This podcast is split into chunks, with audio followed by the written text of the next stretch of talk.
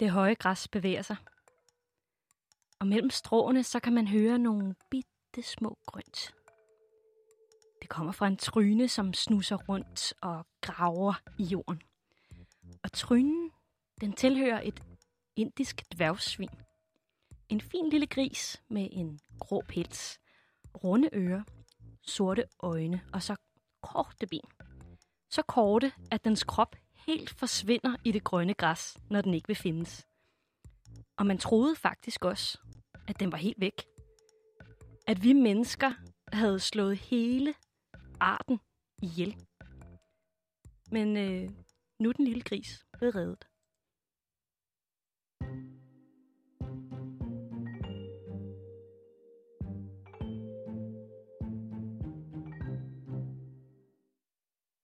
Verdenssamfundets mål om at redde dyr fra uddø har båret frugt. For eksempel er den lille griseart, som er den mindste i hele verden, den er blevet frelst for døden. Og det tænder et lille håb for, at vi kan redde mange flere dyrerasser fra at forsinde. Selvom kampen mod dyrenes udryddelse er en kamp, som vi langt fra har vundet. Mit navn er Flora Jul Holst, og du lytter til Udsyn, der i dag er produceret i samarbejde med verdens bedste nyheder.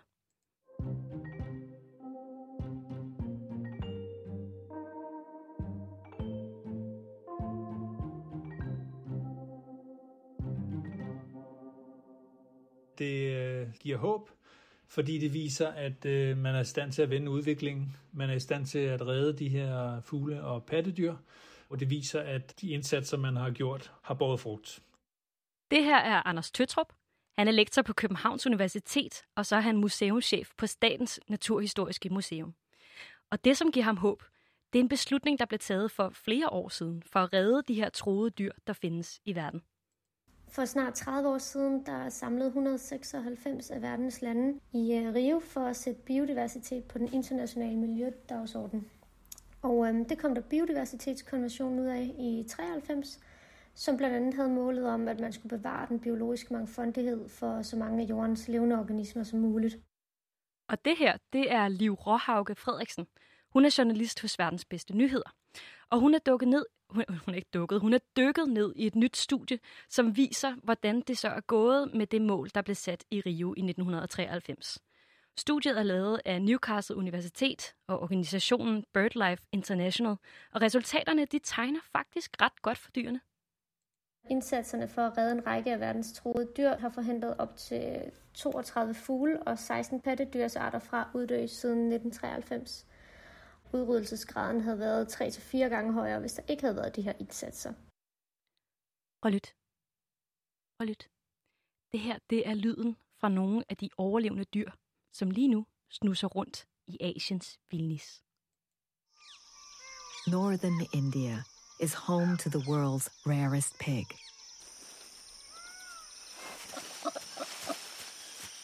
The shy and secretive pygmy hog. Det er det indiske dværgsvin. Det, som vi allerede har mødt, som nu øh, tøffer rundt i noget græs. Og klippet er fra en dokumentar fra Smithsonian Channel om den her lodne gris. I 20 år, der lykkedes det altså for den at holde sig skjult fra mennesker, hvor vi troede, det var helt slut med den. Men den er jo også svær at finde, når den er så lille bitte og er så god til at gemme sig.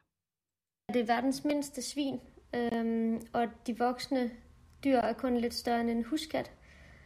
Og øhm, de levede vildt i græslandet ved Himalayas fødder, men øh, blev presset mere og mere tilbage af mennesker, der inddrog dens levested til landbrugsdyr eller marker. Men heldigvis, så var der en, øh, en lille bitte gruppe af de her vilde grise, som alligevel havde overlevet. Og det var faktisk nok til at redde hele rasen. Jamen, det lykkedes eksperterne at fange seks vilde dværgsvin ved at bruge elefanter til at drive dem ud af de her høje græsser, de levede i.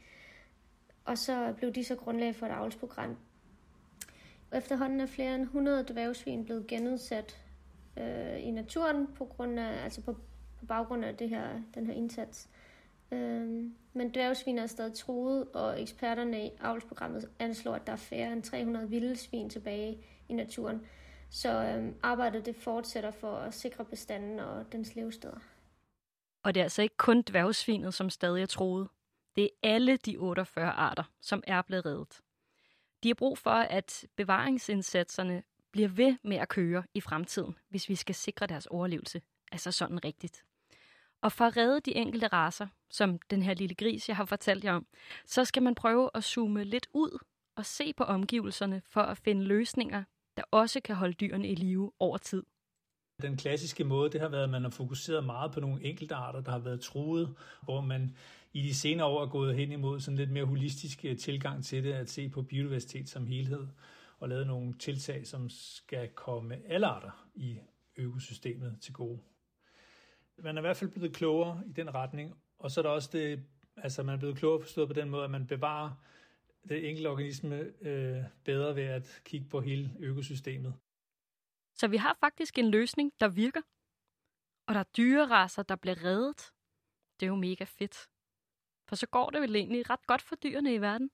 Det går den forkerte vej for dyre og planter helt generelt. Der er stadig flere af jordens organismer, som bliver truet. Og øh, man kan se, at mellem 1970 og 2016, der er populationen af pattedyr, fugle, padder, krybdyr og fisk i gennemsnit faldet med 68 procent. Så helt overordnet set, der går det ikke den rigtige vej. Okay, det går ikke særlig godt. Men øhm, det er der også flere grunde til. Jamen helt generelt, så er det presset på jordens ressourceforbrug fra verdens befolkning, som er årsagen til, at biodiversiteten sådan generelt falder. Øhm, fordi jo flere mennesker vi bliver, jo større bliver presset eksempelvis på behovet for landbrugsjord og tømmer. Og det går ud over dyrenes levesteder.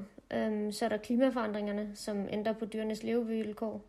Øhm, så er det sådan noget som jagt, altså øhm, ulovlig jagt eller krybskyttejagt. Og så er der det her aspekt med de invasive arter. Og det er ofte øh, simpelthen arter, der er blevet ført til øh, områder, hvor de ikke hører hjemme. Og når de øh, dyr, der naturligt lever i området, ikke er vant til at have den her fjende, så kan de jo de kan udrydde de naturligt forekommende arter. Okay, så der, der er ret mange forskellige årsager til, at de her dyr øh, simpelthen dør som raser. Men, men altså, hvis jeg nu pusser nogle historiske briller af, og så tager dem på, så der har jo altid været dyr, der er uddøde. Altså, dinosaurerne går ikke rundt i Gribskov lige nu. Vel? Altså, er det så usædvanligt, at dyr de uddør? Dyr uddør hurtigere nu, end dengang dinosaurerne uddøde. Man snakker om, at det er den sjette masseuddøen i jordens historie. Det eneste forskel er, at den her gang, der er det forårsaget af os mennesker, så det øh, gør det jo øh, ekstra relevant for os at løse problemet. Så dyrerasserne uddør altså hurtigere nu end nogensinde. Men hvorfor er det så vigtigt at få reddet den, den enkelte art?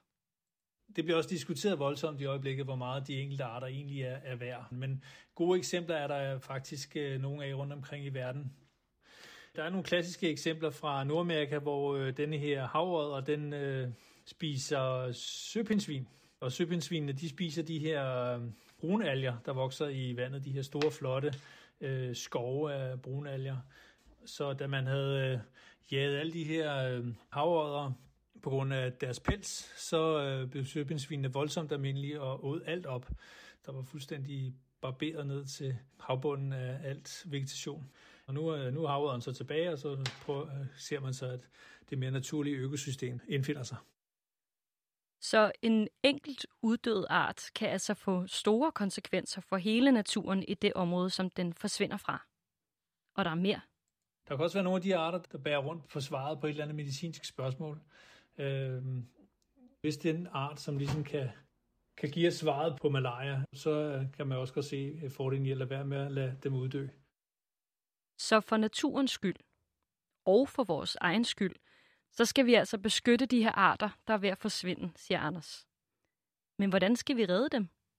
Når nogle af de her fugle og pattedyr bliver så tilpas sjældne, så tager man nogle af individerne ind og begynder at sikre deres overlevelse i en, i en zoologisk have. Og så kan man, hvis man har succes med det, hvilket man jo er blevet god til, så kan man begynde at sætte individer ud igen. Så det er ligesom med de indiske grise, hvor man så øh, lige holder på dem lidt, indtil de har lavet nogle flere børn, man så slipper ud. Men det at lave flere af det samme dyr, det er ikke løsning nok i sig selv, hvis de så også skal klare sig derude. Man bliver så sikre levestederne, øh, for så nytter det ikke noget, at man sætter de stakkels dyr ud for zoologisk haver i nogle, i nogle levesteder, der ikke er, hvor de kan overleve. Det vigtige er med de her indsatser, at man finder ud af, hvad der egentlig er årsagen til, at øh, dyrene forsvinder, og så får fjernet de årsager, sådan så at øh, de dyr, der er tilbage, eller de dyr, man måtte genudsætte, faktisk har en chance for at overleve. Et øh, bedre samarbejde mellem lande, det kan faktisk også gøre en vigtig forskel til liv. En af de måder, man kan gøre det bedre på, det er ved at um, kigge på tværs af landegrænser. Der er nogle studier, som viser, at nationale interesser og landegrænser sætter begrænsninger for, hvor effektivt man kan lave de her tiltag. Så hvis vi kan arbejde lidt mere globalt i forhold til de her indsatser, så tror jeg, det kan rykke ret meget. Og man må heller ikke glemme at inddrage lokalbefolkningen i det her. Hvis man bevarer en skov med en truet fugl, så bliver man nødt til at få den lokale befolkning til at være med til det og anerkende det og at føle noget medansvar. Man kan ikke komme udefra eller fra et helt andet land og sige, den der skov skal I beskytte, fordi det siger vi, og det er vigtigt for os. Eller man bliver nødt til at have inddragelse af befolkningen, og det tror jeg faktisk er, det er min vigtigste pointe her, at man skal have lokalbefolkningen med i bevaringsbiologi. Fordi hvis du kender noget, og du forstår noget, så er du også mere villig til at beskytte det.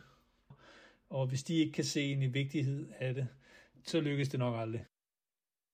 Udover det, så bliver vi altså nok også nødt til at erkende, at vi nok ikke vinder hver gang i den her sag. Hvis vi bruger alle kræfterne på at bevare nogle enkelte dyr og planter, så tror jeg, at vi på et tidspunkt kommer i en situation, hvor, øh, hvor vi øh, ikke kan, kan redde dem. Timeglasset bliver nemlig tømt hurtigere, end vi kan nå at afle dyrene og, og plante træerne rundt om i verden. Og så vil der være så mange troede øh, dyr, at, øh, at vi, vi ikke kan følge med mere. Så vi, jeg tror, vi skal vi bliver nok nødt til at kigge lidt mere holistisk på bevaringsbiologien og prøve at få nogle mere sådan stabile økosystemer. Og det kan godt være, at man så på et tidspunkt bliver nødt til at tage nogle ret hårde prioriteringer mellem nogle dyr, som man så må lade uddø, eller kun have i zoologiske haver eller et eller andet. Det er altså ikke nemt at skabe stabile forhold for dyr, som er troet. Altså, som sagt, hvis vi ser på de 32 fugle og de 16 pattedyr, som man egentlig har sagt, at vi har frelst nu siden 1993, så ikke engang de dyr i sikkerhed. Og det må vi altså ikke glemme, siger Anders. De er ikke reddet fra eftertiden endnu. Og den anden, man skal sige, er, at, at hvis man kigger sådan bredt ud over landskabet, så ser det fortsat meget kritisk ud for rigtig mange dyr. Der er masser af håb i det her, og det, det er en rigtig god idé at få, få fortalt det, fordi det virkelig viser, at det nytter noget. Man skal bare huske, at vi har ikke løst problemet. Programmet her er lavet i samarbejde med verdens bedste nyheder. Hvis du gerne vil læse noget mere om dyrearter, som bliver reddet fra udryddelsen, så kan du finde det på verdensbedstenyheder.dk.